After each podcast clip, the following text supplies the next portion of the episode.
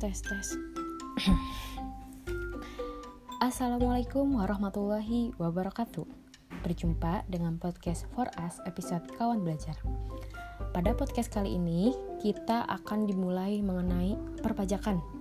Pembahasan mengenai perpajakan yang secara umum pasti semua orang tuh perlu banget nih mengetahui seperti apa sih perpajakan itu, gimana sih cara pemungutannya, gimana sih cara bayarnya, dan lain-lain.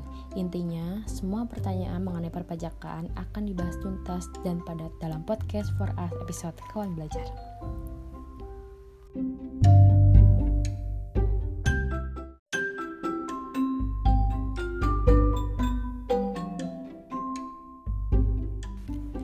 Nah, sebelum kita masuk kepada pembahasan utama, di sini teman-teman tahu nggak nih, ternyata negara Indonesia itu telah memperlakukan pajak dengan self assessment system. Apa sih self assessment system itu? Ya, eh, itu adalah kepercayaan gitu untuk melakukan perhitungan pajak terutang, melunasi kekurangan pajak, menghitung pajak yang telah dibayarkan dan melaporkan sendiri ke Dirjen Pajak. Tapi tidak dipungkiri masih banyak nih masyarakat di Indonesia itu yang kurang percaya gitu dengan adanya pajak. Karena lihat dari lingkungannya masyarakat tuh hanya mengenal pajak sebagai suatu tradisi membayar saja kepada pemerintah gitu tanpa mengetahui dasar serta maksud atau tujuan dari pembayaran pajak ini karena kurangnya pemahaman mengenai perpajakan. Dan sadar nggak sih kalau pajak ini tuh memegang peran utama gitu dalam suatu struktur pembiayaan negara. Dan Pajak ini akan selalu dinamis gitu, mengikuti pola bisnis yang berkembang di masyarakat. Sebagai warga negara yang baik, kita harus membayar pajak sesuai tarif pajak yang dikenakan.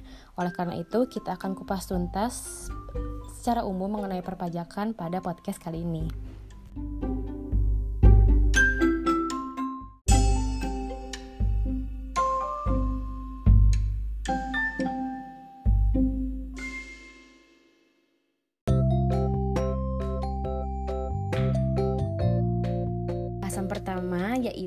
Definisi pajak. Apa sih pajak itu? Gitu kan.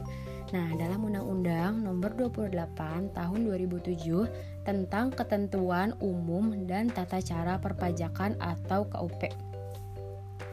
Pajak adalah kontribusi wajib kepada negara yang terutang oleh orang pribadi atau badan yang bersifat memaksa berdasarkan undang-undang dengan tidak mendapatkan imbalan secara langsung dan digunakan untuk keperluan negara bagi kemakmuran rakyatnya.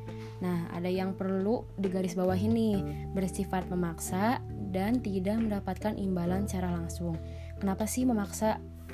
Karena kembali ke yang tadi, pajak ini merupakan pemegang peran utama dalam sebuah struktur pembiayaan negara gitu dan mengapa tidak mendapatkan imbalan secara langsung? Karena imbalannya itu melalui aset-aset pemerintah yang digunakan oleh masyarakat setiap harinya, seperti jalan atau taman-taman atau perbaikan jalan, pembangunan jembatan.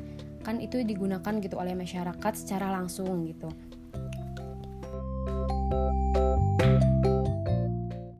Nah, teman-teman ternyata sadar nggak sih banyak banget nih pajak yang kita temui di kehidupan sehari-hari gitu. Adanya seperti pajak bumi dan bangunan atau PBB, kemudian ada PPH, pajak penghasilan, Terus kalau kita makan nih suka ada PPN, nah itu juga termasuk pajak pertambahan nilai, serta masih banyak lagi. Dan tahu gak sih kenapa sih kita harus bayar pajak gitu kayak dan sebenarnya apa sih manfaat pajak itu bagi masyarakat gitu. Nah, pajak di sini merupakan sumber utama penerimaan negara. Tanpa pajak, pasti kegiatan negara itu akan sulit dilaksanakan karena penggunaan uang pajak itu meliputi belanja pegawai sampai dengan pembiayaan berbagai proyek pembangunan di Indonesia. Eh, salah satunya adalah pembangunan sarana umum seperti jalan-jalan, jembatan, sekolah, rumah sakit, kantor polisi. Hal ini semua itu dibiayai dengan menggunakan uang yang berasal dari pajak. Uang pajak juga digunakan untuk pembiayaan dalam rangka memberikan rasa aman bagi seluruh lapisan masyarakat di Indonesia. Setiap warga nih yang mulai dari melahirkan sampai meninggal dunia eh, dapat menikmati fasilitas atau pelayanan dari pemerintah yang semuanya dibiayai dengan uang yang berasal dari pajak. Oleh karena itu, tingkat kepatuhan wajib pajak dalam melaksanakan pembayaran pajak ini sangat penting, sehingga pada akhirnya kesenjangan ekonomi dan sosial yang ada dalam masyarakat dapat dikurangi secara maksimal. Tapi pajak ini gak cukup loh cuma dimengerti oleh satu dua orang saja. Namun pajak ini pun harus dipelajari dan dipahami secara komprehensif dari aspek hukum pajak, dasar pengenaan pajak, penetapan, ada sengketa pajak, dan hak-hak wajib pajak. Pokoknya masih banyak banget ilmu-ilmu tentang perpajakan gitu. Nah, teman-teman, tadi kan kita udah mendengar pembahasan secara umum mengenai apa sih perpajakan itu dan manfaatnya.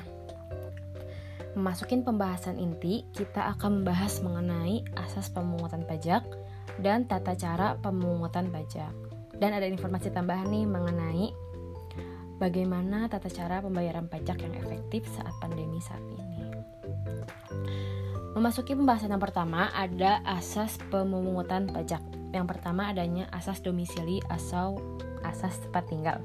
Di sini negara berhak mengenakan pajak atas seluruh penghasilan wajib pajak yang bertempat tinggal di wilayahnya, baik penghasilan yang berasal dari dalam negeri maupun luar negeri.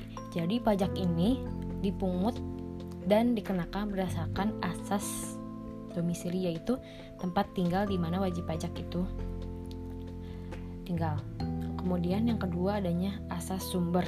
Nah, di sini sebaliknya, negara ini berhak mengenakan pajak atas penghasilan yang bersumber dari wilayahnya tanpa memperhatikan tempat tinggal wajib pajak.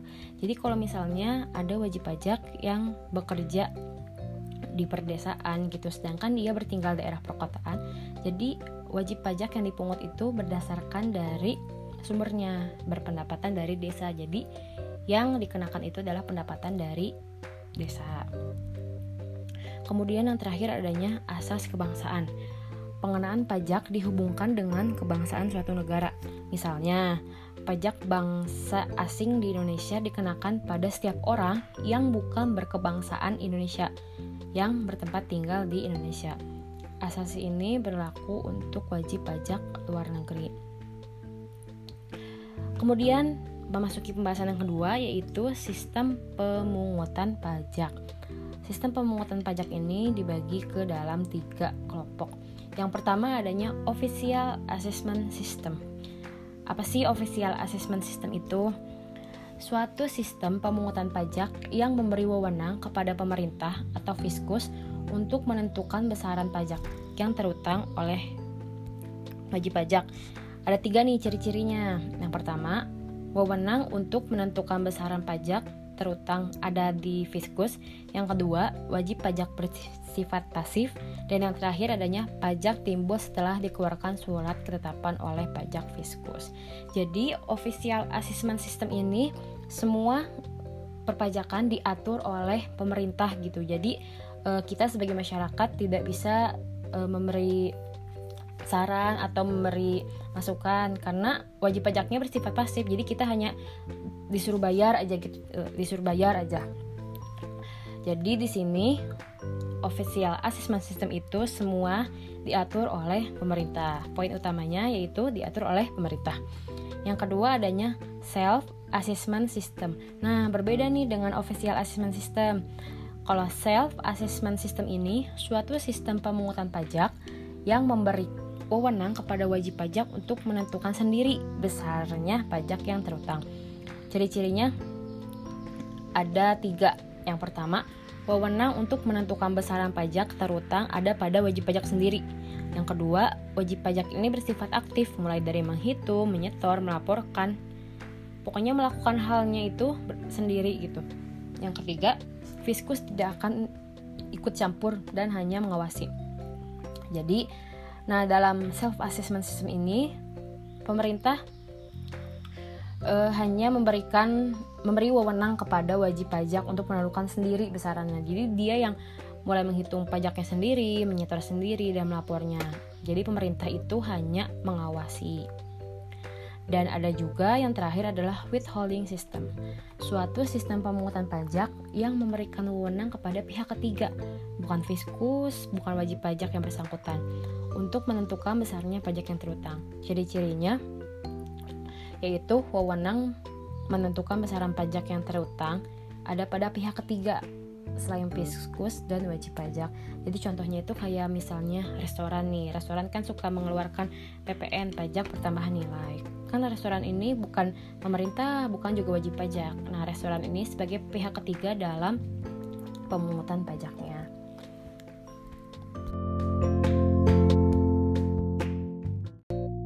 Nah, ada informasi tambahan nih teman-teman. Tips mudah urus pajak dari rumah saat pandemi corona. Sekarang, mengurus hal apa pun itu pasti sangat mudah dilakukan dengan adanya smartphone. Pengurusan pun bisa dilakukan kapan pun dan di mana pun tanpa harus pergi ke kantor pajak. Hal ini berkat teknologi cloud atau komputasi awan. Tentunya akan lebih mudah karena para wajib pajak bisa melakukan banyak aktivitas yang berhubungan dengan pajak tentunya. Mulai dari membayar pajak, membuat no kartu nomor pokok wajib pajak atau MPWP, hingga masalah restitusi atau pengembalian pajak yang bisa dilakukan secara online hanya dengan menggunakan smartphone. Bayar pajak online lebih praktis tanpa datang ke KPP wajib pajak ini sangat dimudahkan dalam membayar pajak. E, kita nggak perlu lagi nih datang ke kantor pelayanan pajak yang sangat berisiko tinggi tertular dengan virus corona. Sebagai antisipasi, Direktorat Jenderal Pajak memiliki sebuah sistem yang bernama e-billing. Sistem ini berguna untuk membayar pajak secara online Sistem e-billing ini tentunya berbeda dengan sistem terdahulu, di mana para wajib pajak membayar pajak secara manual dengan media surat setoran pajak atau SPP. Tapi dengan adanya e-billing, pajak dibayarkan secara online. Nah, sehingga dapat memudahkan kita dalam melakukan sebuah pembayaran pajak. Jadi tentu saja tidak ada lagi alasan kita sebagai masyarakat yang baik untuk menunda-nunda pembayaran pajak. Alhamdulillah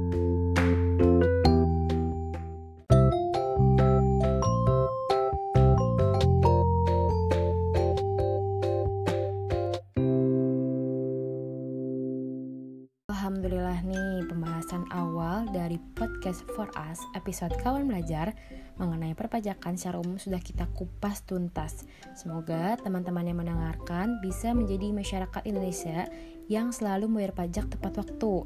Mungkin dicukupkan sekian. Terima kasih telah mendengarkan podcast For Us episode Kawan Belajar. Sampai jumpa kembali.